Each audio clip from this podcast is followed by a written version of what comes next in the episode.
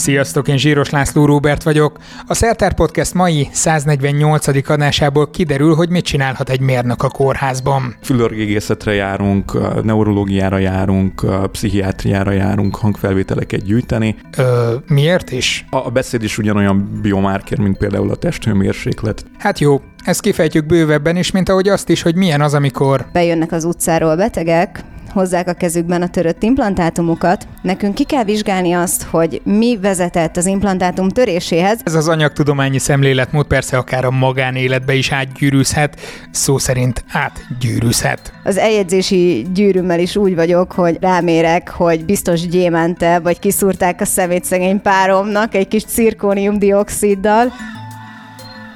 Asztalos Lila és Tulics Miklós Gábriel a mai vendégek, akiket több dolog is összekapcsol. Egyrészt mindketten a BM-én doktoranduszok, Lilla az anyagtudomány és technológia, Miklós pedig a távközlési és média informatikai tanszéken.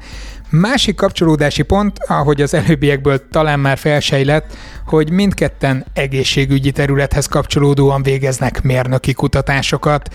De ezen kívül azt is érdemes kiemelni, hogy a FameLab nemzetközi tudományos pitch versenyének magyarországi döntősei. Most hétvégén tartottuk a British Council és a Magyar Tudományos Akadémia szervezésében a FameLab mesterkurzust Mátra Füreden. Ezt a beszélgetést is ott vettük fel egyébként. Lillen és Miklóson kívül még 10 fiatal kutató szerepel majd május 13-án a döntőben. Mindannyian egy-egy három perces előadást tartanak majd. Amíg pedig a zsűri eldönti, hogy melyikük jut majd tovább a nemzetközi döntőre, csinálunk majd egy rendhagyó, élőközönséges játékos szertár podcast adást. Ennél többet egyelőre nem árulok el, de már csak ezért is érdemes eljönnötök május 13-án 17 órától az MTA székházának dísztermébe. Részletek a www.mta.hu per FameLab oldalon vannak, FameLab, vagyis Fame Lab. A linket megtaláljátok a leírásban, mint ahogy a podcast előfizetési linkjét is. Természetesen nem kötelező előfizetni, de ha havonta mondjuk egy sajtburger, netán egy egész menü árát felajánljátok, akkor még sokáig tudom csinálni ezt a sorozatot. www.patreon.com per szertár. Fontoljátok meg, sokat segíthetek vele. Köszönöm. És most vágjunk bele a mai témánkba. Lehet, hogy egy ilyen sörpisszenésekkel teli adás lesz ez a mostani, de már rögtön poénokkal kezdődött, ugyanis nálam van egy lila színű mikrofon, amit rögtön kifogásolt asztalos Lilla, aki itt ül, várta volna tőlem, hogy ilyen szóviccek mellett majd nekiadom a lila mikrofont. Narancsárga mikrofonnál, szia! Szia, Laci! Másik vendégem. Tulics Miklós Gábriel. Tulics Miklós Gábriel. Igen, ez rettentő kellemetlen, egy nagyon hosszú napon vagyunk túl, de ő meg más szempontból tudja nagyon azt, hogy hogyan kell egy mikrofon tartani, mert hogy mivel foglalkozol? Én beszédjelfeldolgozással foglalkozom beszédjelfeldolgozás. Lilláról viszont nem mondtuk el, hogy konkrétan mindent, amit fémekkel kell csinálni, ezt jól értelmeztem abból, amit eddig megismertelek mindenféle fórumokon? Igen, és különösen olyan fémekkel foglalkozok, amit az emberi szervezetbe beépíthetnek, és azt vizsgálom, hogy ezek a fémek hogyan működnek együtt a mi szervezetünkkel, és az idő előre haladtával ezek hogyan károsodnak. Vagy valahogy ezt úgy fogalmaztad tegnap, hogy azokat minden olyan dolgot nézel, amit az emberi testbe be lehet helyezni. Igen. Meglévő és még meg nem levő nyílásokon keresztül. Hú, egyre izgalmasabb. Nem tudom még, hogy hogy fogom összekapcsolni a két témát, de azt hiszem, ezt most egy picit felvezettük, majd rövidesen visszatérünk. hogyan foglalkozol te jelfelismerésekkel? A, tehát én villamosmérnökként végeztem, most jelenleg a beszédakusztikai laborban dolgozom a Műszaki Egyetemen, és hát a beszédakusztikai laborban foglalkozunk mindenféle betegségnek a hangalapú felismerésével. Azért, ha nekem valaki azt mondja, hogy Budapesti Műszaki Egyetem, mi mindent tudnék oda kötni, milyen dolgokat, lehet, hogy nem a beszédfelismerés, meg az egészségügyi kapcsolatok lennének az elsődlegesek, amire gondolok, de itt azt hiszem már is van egy kapcsolat kettőtök között, mert hogy egészségügyi témában alkalmaztok olyan dolgokat, amiről az embernek nem az lenne az első benyomása, hogy egészségügyi témában fogjátok Igen, használni őket. és a Műszaki Egyetemnek a villamosmérnöki és informatikai kara gondozza az egyetlen olyan mesterképzést, ami ami az egészségügyi mérnököket képezi, és ezen a képzésen nem csak mérnökök, hanem orvos végzettségűek is részt vehetnek, és pont az a célja, hogy aki mérnök végzettségű szerezen egy kicsit több anatómiai és biológiai ismereteket, aki pedig az orvosi részről jön, pont az ilyen jelfeldolgozás, programozás és ezekkel az oldalával ismerkedjen meg ennek a, a orvostechnikai eszközfejlesztésnek. És milyen a kapcsolat például, amikor orvosokkal találkoztak, mert hogy alapvetően nem abból az irányból származtok, nem olyan területen volt az előzetes képzésetek, mennyire tudjátok megérteni egymást? Hát orvosokkal dolgozni mindig nagyon nehéz. Több oka van ennek. Szerencsére azért ne fog van, vissza magad nyugodtan. Szerencsére azért van pár kivétel. Fülorgégészetre járunk, neurológiára járunk, pszichiátriára járunk hangfelvételeket gyűjteni. Van, ahol nehézkesebben működik a gyűjtés, van, ahol sokkal könnyebben. Hát alapvetően azokkal az orvosokkal, akikkel mi együtt dolgozunk, nyilván jó a kapcsolatunk, de sokszor vannak konfliktusok, vagy, vagy nem tudom is, hogy mondjam pontosan, de hogy például a statisztikához annyira nem nem úgy állnak hozzá, mint ahogy a mérnökök, és ebből azért volt. Fú, ezt nagyon-nagyon finoman fogalmaztál. Igen, finoman próbáltam fogalmazni, tehát hogy nem, nem mindig úgy értik a dolgokat, ahogy mi értjük, itt, itt azért kell egy, egy ilyen common ground. Ez amit... két héttel ezelőtt egy orvos volt a vendégem, úgyhogy eh, majd lehet, hogy így lehet titeket ütköztetni, majd újra meghívni, meg ilyenek. Nyugodtan lehet meg. Én az első időben, amikor orvosokhoz kezdtem járni, konzultálni, még a szüleimnek az agyát húztam azzal, hogy írtam nekik, hogy ah, itt vagyok a Honvéd Kórház kórházba a szívsebészeten, vagy utána egy pár héttel írtam, hogy akkor az Idegtudományi Intézetben vagyok a, a neurointervenciós osztályon, és akkor így, úristen kislányom, mi történt veled? Ja, jöttem csak konzultálni.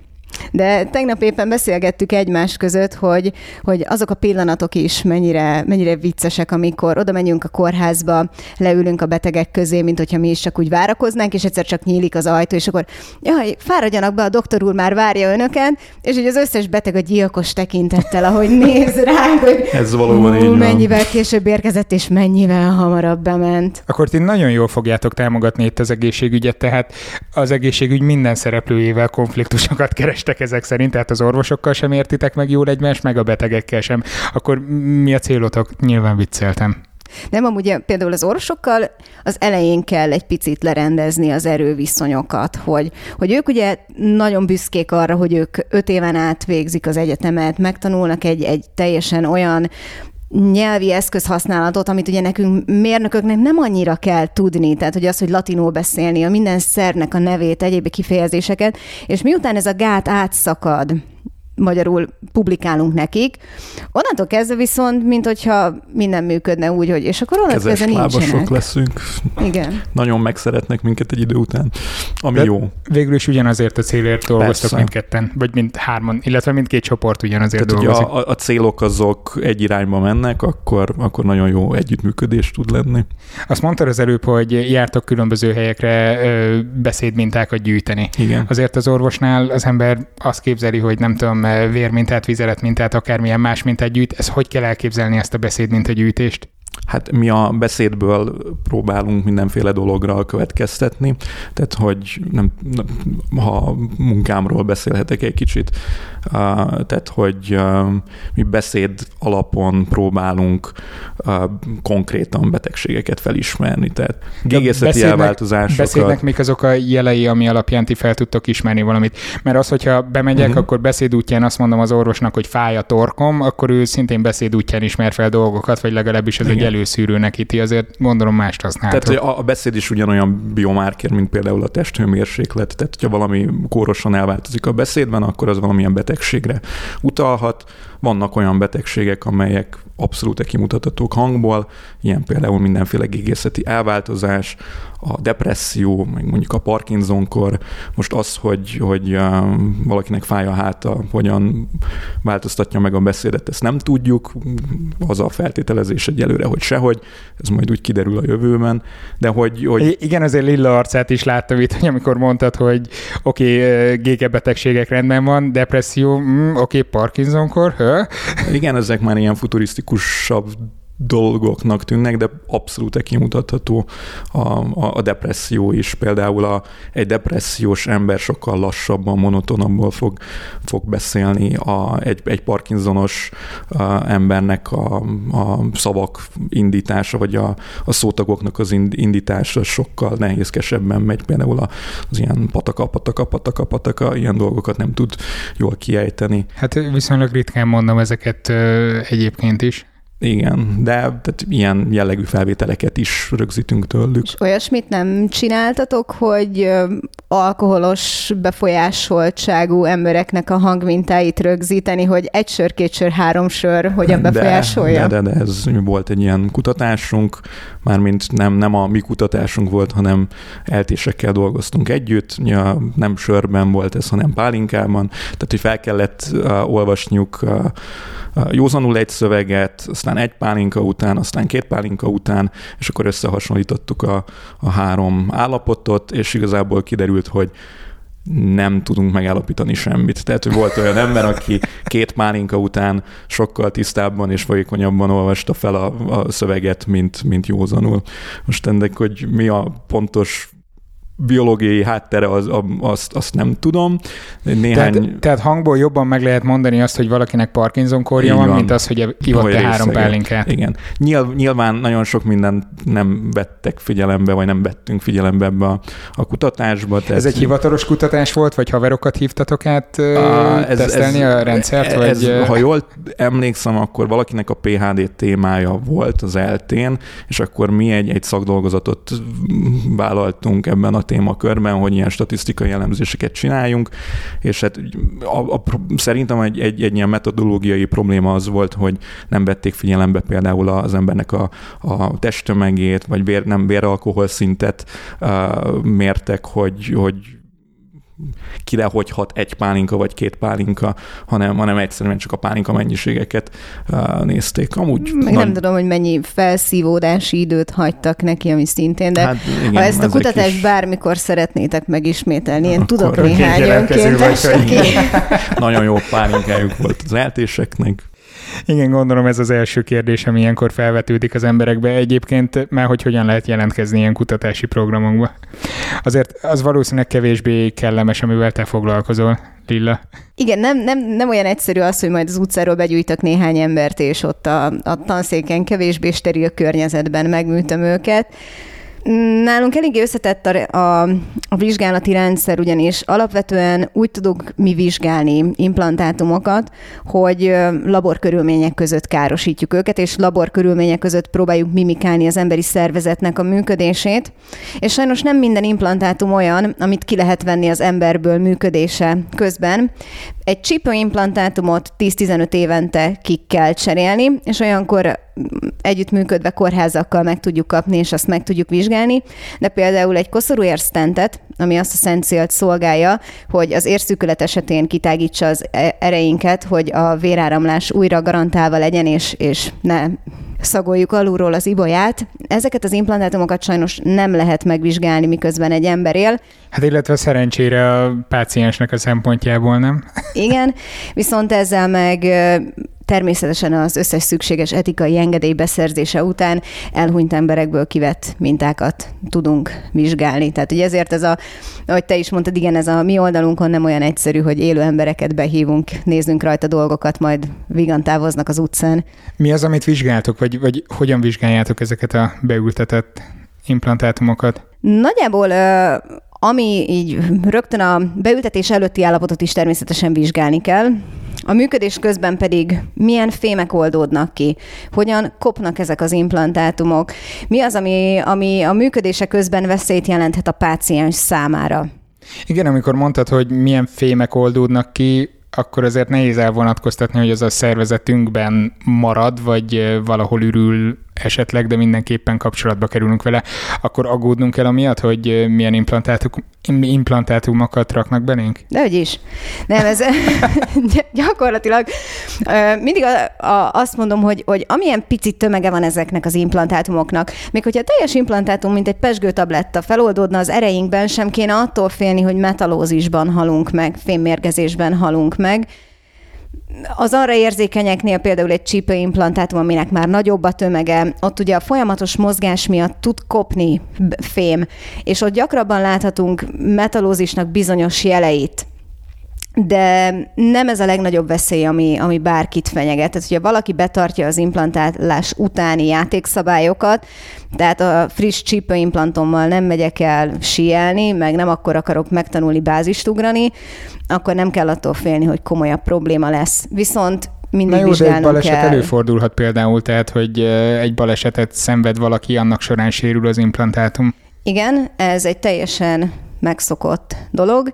Olyan is előfordul, hogy az úgynevezett rendeltetésszerű használat mellett törik el valakiben az implantátum, és ezzel is foglalkozunk mi a tanszéken, hogy bejönnek az utcáról betegek, hozzák a kezükben a törött implantátumukat, nekünk ki kell vizsgálni azt, hogy mi vezetett az implantátum töréséhez, és ennek az a szent egyetlen egy célja van, hogy jogosult-e a beteg kártérítésre, vagy sem. Tehát kifejezetten anyagi okból közelítitek meg a dolgokat? Nem mi, hanem a beteg. Tehát neki Illetve kell a biztosító, egy, gondolom. Igen, neki kell egy, egy független szakvélemény arról, hogy a törés úgy következette be, hogy Józsi bácsi otthon volt, nem végzett aktív fizikai munkát, nem végzett extrém sportokat, és egyik reggel úgy ébredt, hogy nem bírt lábra állni, mert ketté tört benne egy csípőprotézis, vagy pedig Pista bácsi elment bázist ugrani, rosszul érkezett, vagy valami probléma történt, eltörött benne az implantátum, és ő utána a saját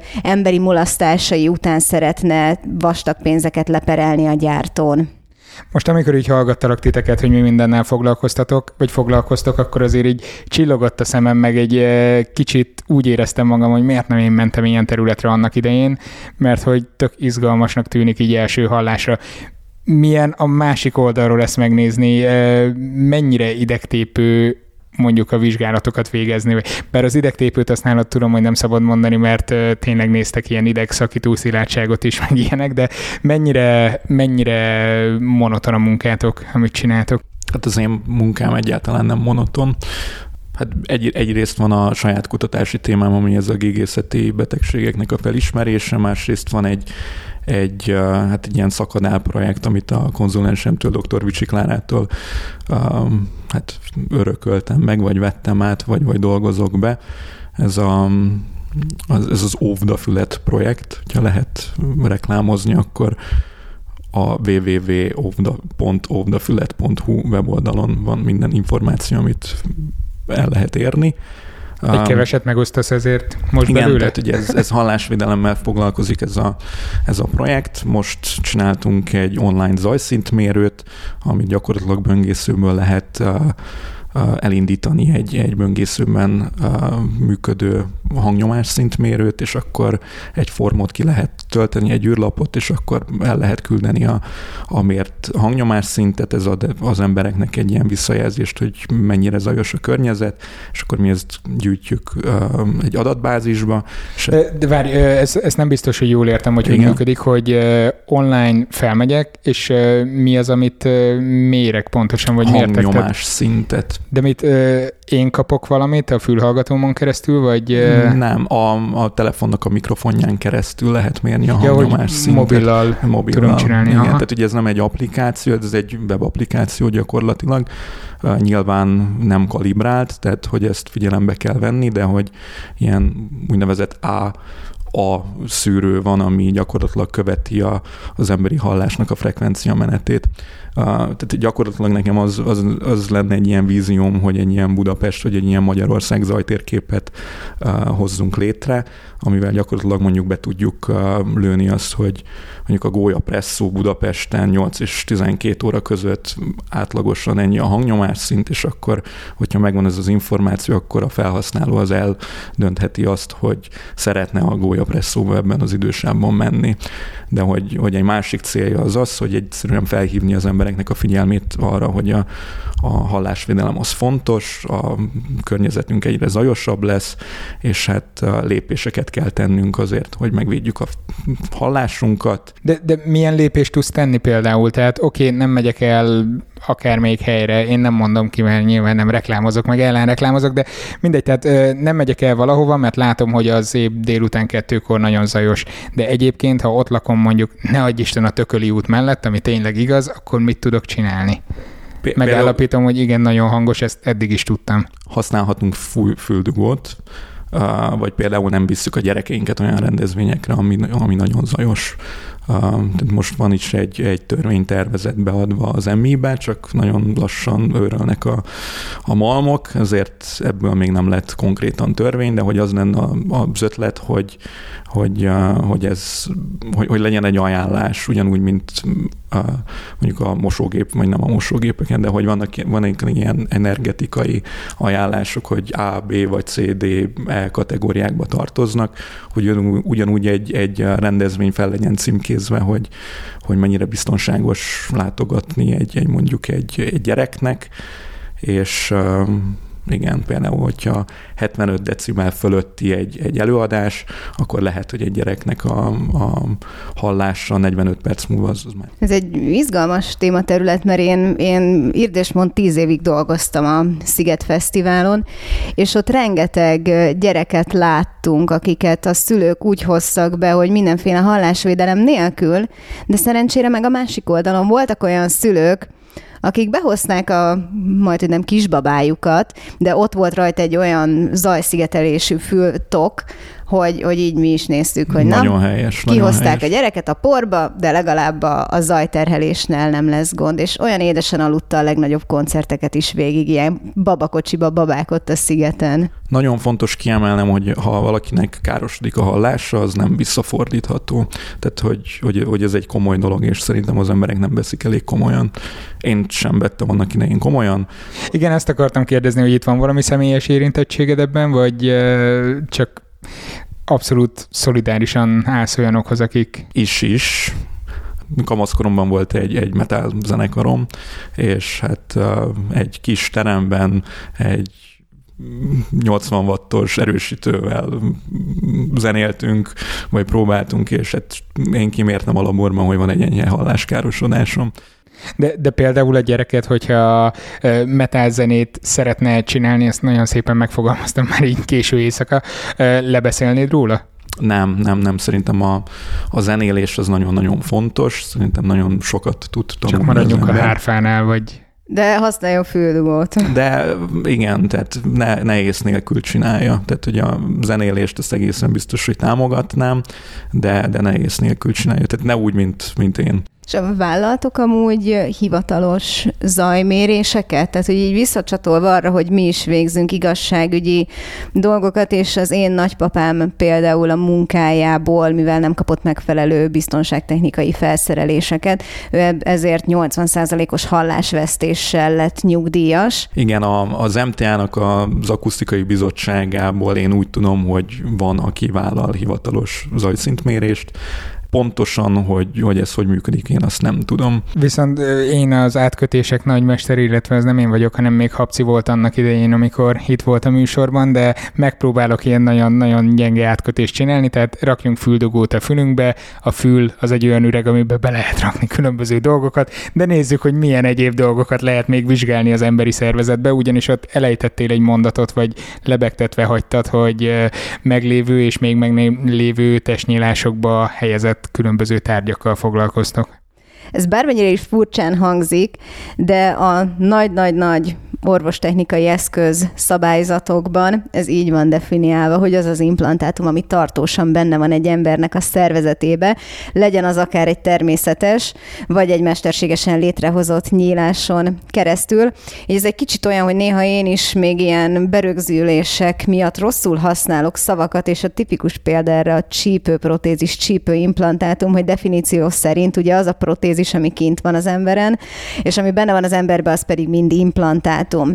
De hogy nagyon egyszerű példát mondjak neked, hogyha valakinek húgycső szűkülete van, akkor nem kell ahhoz egy újabb lyukat szúrni rá, hogy egy stentel kitágítsuk, mert stentekkel rengetegféle van, nem csak az ereket tudjuk tágítani, hanem egyéb szűkületeket és, és problémás területeket, legyen az akár a, a bérrendszer, vagy, vagy a, a, a húgycső, vagy férfiaknál egyéb területekre is lehet berakni ilyen, ilyen tágítókat. Kokneális implantátumokkal nem foglalkozol véletlenül? Én személy szerint ilyenekkel nem foglalkozom, én az érsebészettel foglalkozok elsődlegesen, de tudom, hogy vannak ilyenek, és ezek, ezek a, a, a, az ilyen, olyan területei az orvostechnikával, ami így rajta van a bakancs listámon, hogy szeretnék majd foglalkozni. De, az, de azért te foglalkozol különböző dolgokkal. Most Miklósnál felvetődött az, hogy, hogy vajon hobbiból csinálták-e a pálinkás kísérletet.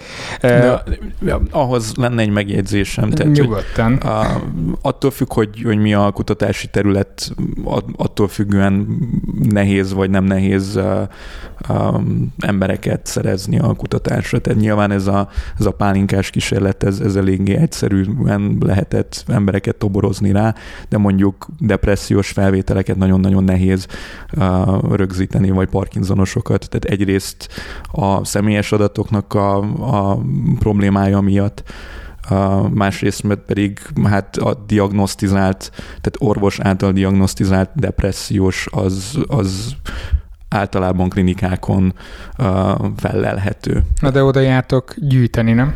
Oda járunk gyűjteni, de, de ezt nem, nem úgy kell elképzelni, hogy van egy egész épület tele kortermekkel, depressziósokkal, hanem a, a depressziónak az egyik nagy, hát nem tudom, belejárója, hogy, hogy a depressziós az nem feltétlenül fogja felkeresni az orvost. Uh-huh. Viszont ha már ott vagytok, és ha már találkoztok a beteggel, illetve nem tudom, ti találkoztok-e, vagy az orvosnak adjátok oda a mikrofont, és ő végzi a mintafelvételt, ott megvan adva az, hogy mit kell, mit kell mondani a betegnek, tehát hogy mindig egy összehasonlítható dolog legyen, vagy, vagy felvesztek egy ilyen általános beszélgetést, aztán majd abból szűritek, ami kell. Általában egy ilyen felvétel több részből áll, ami mind, mind a három kutatásnál, tehát a gégészeti elváltozások vizsgálatánál, a depressziónál, meg a Parkinson kornál is azonos. Az egy felolvasott mese, ami az Északi szél és a nap című mese, ami egy úgynevezett fonetikailag kiegyensúlyozott mese, ami gyakorlatilag annyit jelent, hogy megpróbál nagyon hasonlítani a, a spontán beszédhez, tehát hogy nem tudom, a magyar spontán beszédben az E magánhangzó az, ami leggyakoribb, akkor ebben a mesében is azt hiszem egyszer megszámoltam, 42 darab E magánhangzó van benne, tehát hogy, hogy ez, ez, az, ez az a felvétel, ami, ami azonos mind a három kutatásban, plusz ugye a, a, a referencia adatbázisban, amit egészséges embereknek a hangjával vettük fel, és, és igen, tehát ez, ez, ez az összehasonlítható rész. Mondjuk a parkinsonosoknál... És a betegek hogy reagálnak erre? Tehát, hogy én bemegyek, azt mondom, hogy nekem eleve van valami gége problémám, és erre az orvos elé nyom egy mesét, hogy akkor tessék, ezt olvassa fel. Ez pontosan így van. Tehát a filorgégész az megkéri nagyon szépen, az, hogy a, a, a páciens olvassa fel. Hát nem mindig egyezik bele a páciens, vagy, vagy azért, mert félti a, a személyes adatait, mint például amilyen a hang is, vagy, vagy azért, mert nincs nála a szemüvege, vagy azért, mert nem, nem akarja éppen felolvasni. De igen, nagyjából így néz ki, hogy meg elmondjuk, hogy, hogy miről van szó. Aláírattunk vele minden egy esetben egy, egy, um, egy, egy nyilatkozatot, hogy beleegyezik ezeket az adatokat megosztani, és, és akkor rögzítjük a hangfelvételét. Hát ez is egy elég érdekes kérdés, meg az is, hogy például ti hogyan juttok különböző implantátumokhoz. Arra utaltál korábban, hogy ó, protézis, implantátum, de most van valami, amiről nem tudom eldönteni, hogyha orvosilag néznénk, akkor az mi lenne, és tudom, hogy végzel vele vizsgálatokat, mert végül is kívül van, ha úgy látom itt az orrodon. Érdekesség, de a kozmetikában használt dolgok, tehát hogyha mondjuk valaki elmegy egy ilyen mikrodermabráziós kezelésre, vagy hogy hívják ezeket, ahol ilyen kis hengereket tologatnak össze-vissza a bőrödön, és nagyon vékony tűk vannak rajta, és gyakorlatilag a bőröd megújulását próbálják ezzel valahogy serkenteni, nő vagyok, de valahogy ez, a, ez az oldal, ez nekem annyira nincsen meg, de azt tudom, hogy például ezek a, a, az exakt dolgok, amikkel a kozmetikus dolgozik, ezek az orvostechnikai eszköz rendelet alá tartoznak, és erre vonatkozik az Európai Uniós direktívától elkezdve minden orvostechnikai előírás. Ezzel szemben sem a piercingekre, sem a tetováló tűkre nem vonatkozik ez a, ez a törvény, de gyakorlatilag bármiféle biokompatibilitási, hemokompatibilitási és egyéb vizsgálatok nélkül, magyarra lefordítva, tehát nem nézik meg azt, hogy mérgező a szervezetedre, bántja a szervezetedet, ha véredbe jut, tud-e okozni az bármi galibát a, a testeden belül, ezeket mindet így figyelmen kívül tudják hagyni, mert nem kell engedélyeztetni a piacon ezeknek a forgalmazását. Te mennyire bíztál akkor ezek szerint abban, aki neked tetoválást csinált, vagy éppen piercinget rakod be? Isten igazából a piercingjeimnek az anyag minőségét megmértem. Hogy nagyon egyszerű dolog, tehát hogyha valahova, majd egyszer, hogyha Igazi mentek ékszer, vagy. ha mentek majd egyszer egy ékszerboltba, és nézegetitek azt, hogy milyen anyagminőségek vannak kiírva, még hogyha nem is tudja azt az eladó, hogy micsoda, de szokott olyan kiírva lenni, hogy 316 elles. És ez a, ez a bizonyos 316 elles nevezetű anyag, ez egy olyan úgynevezett ausztenites korrózióálló acélanyag, amiből akár még stent is tud készülni, vagy csípőimplantátum. De biztos, ami biztos rámérek, valamint csak, hogy még mennyire geek tud lenni az ember, hogy a, a, az eljegyzési gyűrűmmel is úgy vagyok, hogy amint lesz nitrogén az elektron mikroszkóphoz, akkor berakom és rámérek, hogy biztos gyémente, vagy kiszúrták a szemét szegény páromnak egy kis cirkónium-dioxiddal, Szép. Ez, ez okozhat valami párkapcsolati konfliktust, vagy eh, Ez nem párkapcsolati konfliktust vagy... okozni, ez eladónak fog szerintem komoly fejtörést okozni, hogyha így egyszer csak oda viszi az ember, hogy, hogy hm, itt van a tanúsítvány, amit adtál a gyémánt mellé, de az anyagvizsgálati jegyzőkönyv meg teljesen mást mond. Erre volt egy olyan vicces történet, hogy ékszerüzletbe láttam külön polcon nikkelmentes ékszer nagy betűkkel, hogy azt kell tudni, hogy a magyar lakosságban, főleg a nők, nagyon gyakran nikkel allergiások. Viszont a korrózió állóságot nagyon sok anyagban a nikkel adja. Tehát, hogy a vasból hogyan lesz korrózió anyag, ahhoz króm és nikkel kell. Leginkább króm, de orvostechnikában van egy olyan követelmény, hogy ne lehessen mágnesezni. Ugyanis, hogyha véletlenül benne van egy stent vagy valami, de be kell tolni engem egy MRI gépbe, baromi kellemetlen lenne, hogyha az MRI kitépné azt belőlem, ugye a benne uralkodó mágneses erők miatt. És a nikkel az, ami nem mágnesezhetővé teszi az anyagunkat. Ha ezt nagyon tudományosan akarom megmondani, akkor a az egyik acél az úgynevezett ferrites, a másik acél az úgynevezett ausztenites, és orvostechnikában csak az úgynevezett ausztenites, ami megfér. A piercingeknél akadtunk le valahol, ha jól emlékszem. Ja igen, meg hogy, eh, hogy a gyűrűdet eh, is bevizsgálni tervezett, hogyha lesz igen, majd megfelelő és, anyagot hozzá. Bevizsgáltam nikkelmentesnek hirdetett ötvezeteket, és mindegyik tartalmazott nikkelt. Hú. Ami egy kicsit kellemetlen, hogyha valaki tudja magáról, hogy ilyen allergiás, mint például édesanyám is, akivel az a, az a nagyon vicces helyzet áll elő, hogy ő öntész, vasöntödébe dolgozik, tehát hogy neki a fémipar az a mindennapos munkája, és az aranyon kívül minden egyes fémre allergiás. Mit lehet csinálni akkor, hogyha nem tudom, tehát valaki vesz egy nikkelmentes piercinget, és kiderül, hogy nikkel van benne, tehát, és ha okay, gyulladást mondjuk... okoz a szervezetébe, akkor be kell perelni azt a helyet, ahol vásárolta, vagy azt, aki előállította a terméket. De mondjuk ezt nyilván nem tudja mindenki megcsinálni, hogy bemegy nem a laborba, hozzá, igen, hogy bemegy a laborba, és akkor... Nagyon egyszerű, behozza hozzánk a tanszékre, és az ilyen eseteket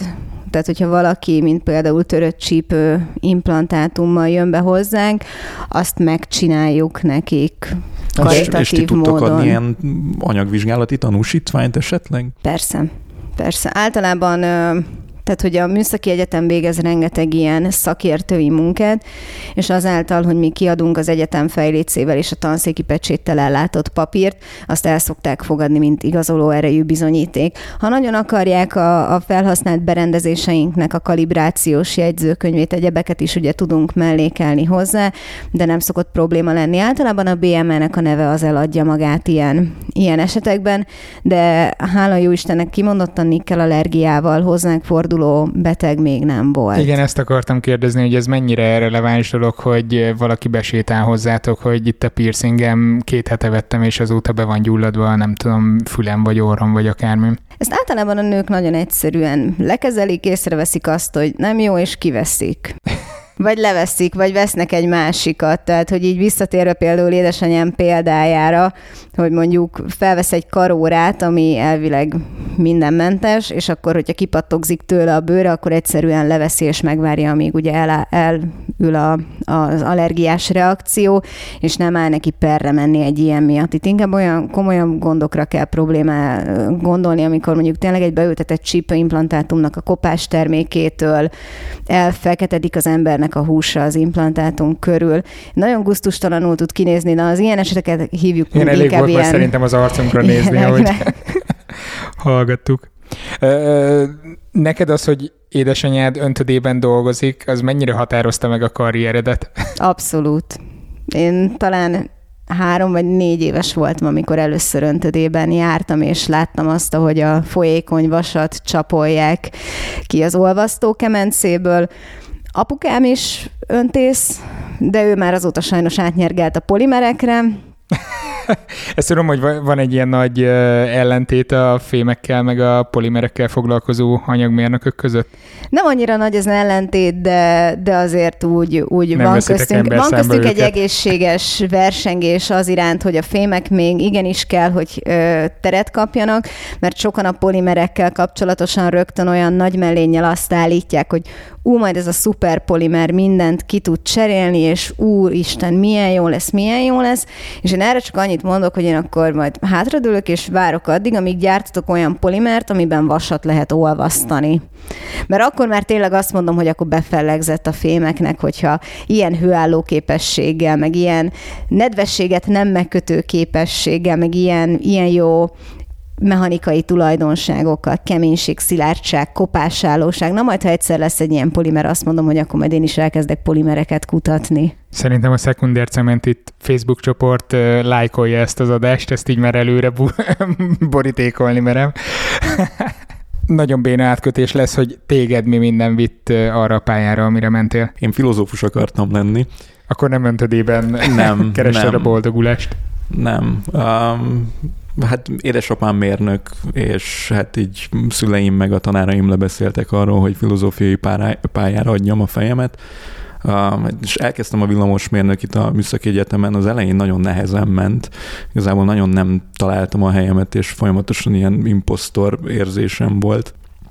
Aztán úgy valahogy megszerettem, tehát úgy megtaláltam ezt a beszédakusztikai témát, legelőször érzelemfelismeréssel foglalkoztam, aztán glotalizációval, aztán... Glotalizáció? Amikor bereked az embernek a hangja a szavak végén, glottalizál. Ha. creaky voice-nak nevezik angolul, most így nem jut eszembe magyarul a, a kifejezés. Aztán depresszió felismerésből írtam a, a diplomamunkámat, és aztán a gégészeti felismerésből a mester, a, a, a PHD-sat mostamból csinálom, de valahogy így a filozófia az még mindig közel áll hozzám, tehát biztos, ami biztos beadtam a filozófia PHD-re is a jelentkezésemet, és felvettek. Oh. De ott, ott megint el kellett gondolkodnom, hogy akkor most filozófiával szeretnék-e foglalkozni, vagy, vagy tovább csinálom ezt a villamosmérnöki pályát. És ez is a tézised? Igen, tehát hogy ez erről szól, nem, hogy el kell gondolkodni dolgokon. Hát elgondolkodtam, de a villamosmérnökit választottam, és megint nem bántam meg, de azért egy picit néha azért pályaszívem titokban. Hát Figyelj, filozófiával bármikor lehet még újra meg újra foglalkozni, szóval... Egy nagyon jó hobbi amúgy. Néhány pohár bornak, vagy néhány korsos sörnek a kérdés, és szerintem mindenki filozófussá válik a saját kis baráti körébe. Legalábbis én ezt tapasztalom, hogy az embereknek nagyon sok megvilágosodott gondolata és elmélete tud születni néhány emelkedett pillanatban. Szerintem nagyon sok olyan téma van, amit nem veszünk komolyan, de azért eléggé befolyásolja az életünket.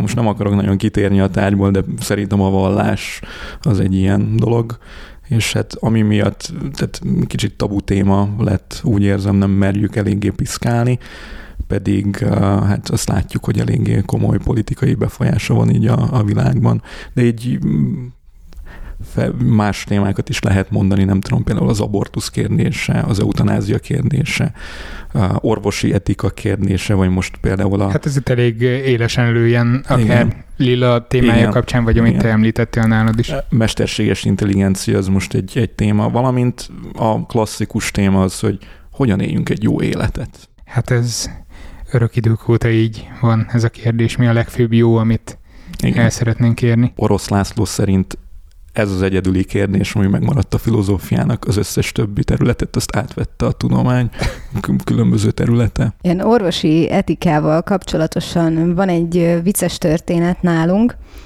Egy csapat fiatal úgy döntött, hogy írnak valami kis vicces TDK-t, hogy melyik a legjobb sebb tapasz. És azt csinálták, hogy különböző márkájú, különböző típusú sebtapaszokat ráragasztottak a kezükre, és utána mérték azt, hogy milyen erővel hogyan lehet azt leszakítani, olyan a saját bevallásod szerint melyiknek a letépése fájt a legjobban, stb.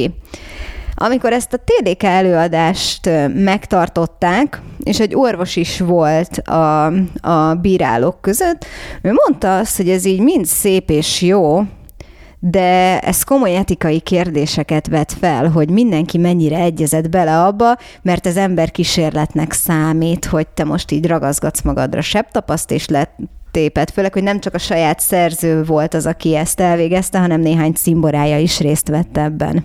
Hát azután, hogy a hangnál ugyanilyen etikai kérdések felvetődnek, holott ott nem is érintkezel a pácienssel lényegében.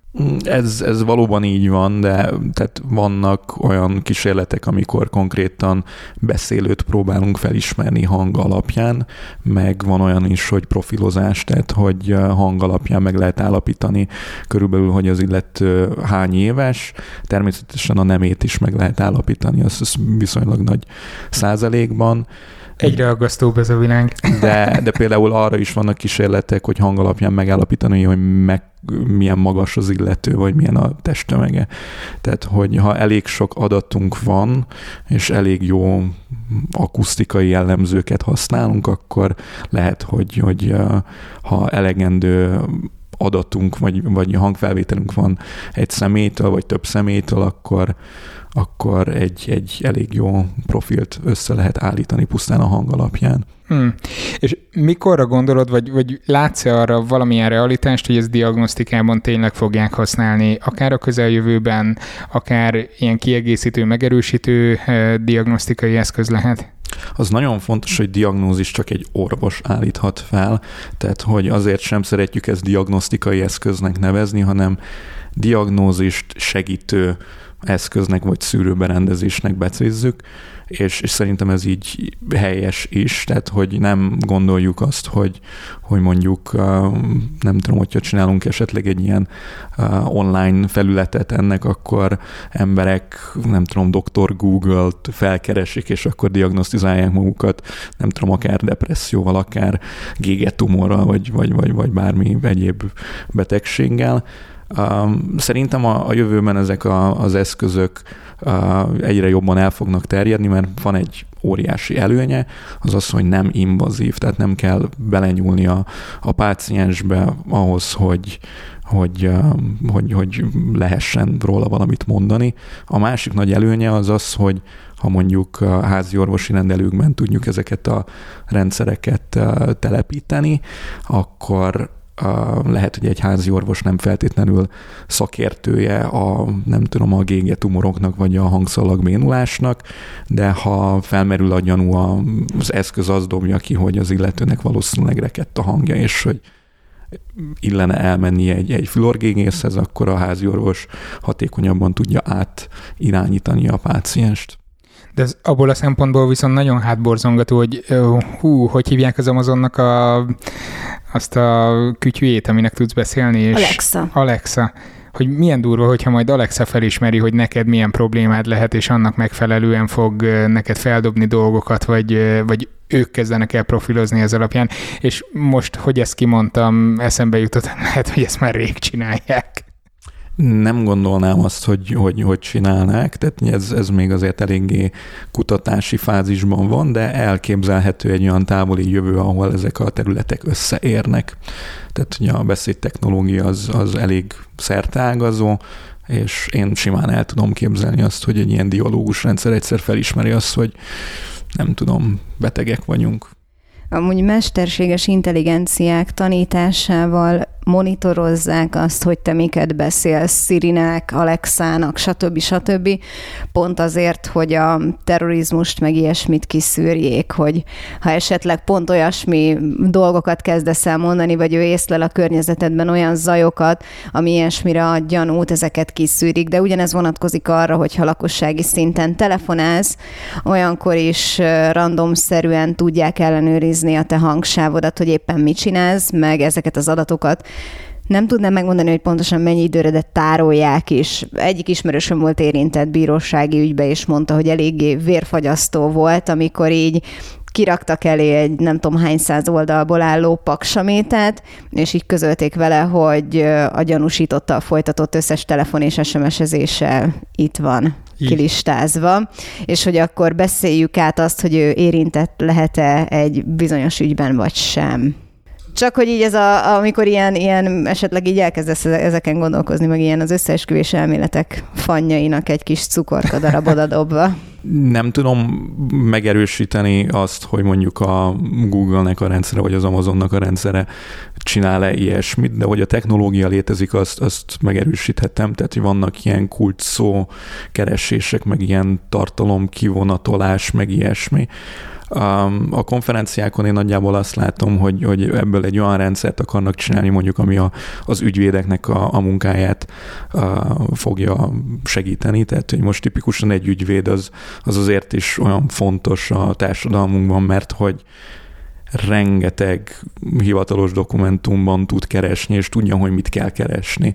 De hogyha ezt automatizálni lehet, akkor gyakorlatilag a, a, az ügyvédnek sokkal könnyebb dolga lesz, mert megvan digitális formában a, a, a szöveg, és akkor tudja, hogy mit kell keresni, és akkor kivonatolja azt a részt, kulcs alapján lehet keresni, kivonatolja. Most elég sokat beszélgettünk a témátokról, bár biztos, hogy nem érintettünk rengeteg-rengeteg dolgot. Viszont rövidesen 13-án, ugye? 13-án lesz a fémlap döntő. Ti ezt jobban tudjátok, mint én. Készültök rá, gondolom. Miről fogtok beszélni abban a három percben? Én az elődöntőben a halásvédelemről beszéltem, most a döntőre igazából a saját témámat kívánom bemutatni, tehát ezt a beszédjelfeldolgozás témát. Mert hogy a Fémlebnél szabály, ha jól tudom, az, hogy az elődöntőn más előadást kell tartanotok, mint majd a döntőn. Ha jól tudom, akkor lehet ugyanaz a téma, de más Más kép kell, előadni, igen. tehát nem lehet ugyanazokkal a szavakkal ugyanazt a, azt a szöveget elmondani, ugyanazt a szövegtörzset. Vagy más hangszínnel, más akusztikai jellemzőkkel, és van, akkor ezen lehet van. vitatkozni, hogy mi számít másnak. Te miről fogsz beszélni? Nagy valószínűséggel az orvostechnika érintettségéről az ipar 4.0-án belül, ugyanis már a mi tanszékünkön is egyre jelentősebben meg lehet figyelni az úgynevezett 3D nyomtatásnak a, a nagy kutatásait.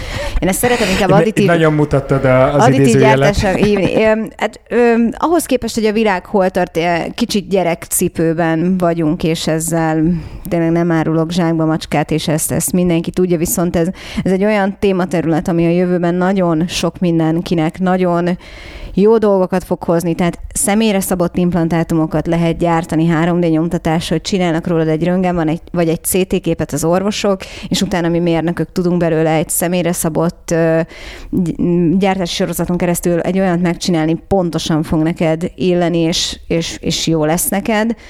Viszont ez még, ez még nagyon egy jövőkép, és nem csak nálunk, hanem más országokban is. Én nyáron Németországban fogok egy ilyen additív gyártással foglalkozó kutatásban részt venni, ahol már érsebészeti eszközöket gyártanak, amik nagyon-nagyon picik, és ezzel a technológiával nagyon-nagyon nehéz őket gyártani ezért is még így szkeptikusan kell ezeket kezelni, és én erre a szkepticizmusra is próbálom ráterelni a figyelmet, hogy bármennyire is minden annyira jól hangzik, vagy például ugye az ipar 4.0-ba a, az IoT, a big data, a felhő alapú adatbázis kezelések, ezek már mind-mind-mind ott vannak mondjuk egy lélegeztetőgépen, egy, egy vesedialízis gépen, bármi olyan szoftveresen működtetett orvostechnikai eszközön, és gyakorlatilag már ott tartunk, hogy sokkal egyszerűbb valakit úgy megtámadni, hogy meghekkelem a pacemakert, ami a szívét működteti,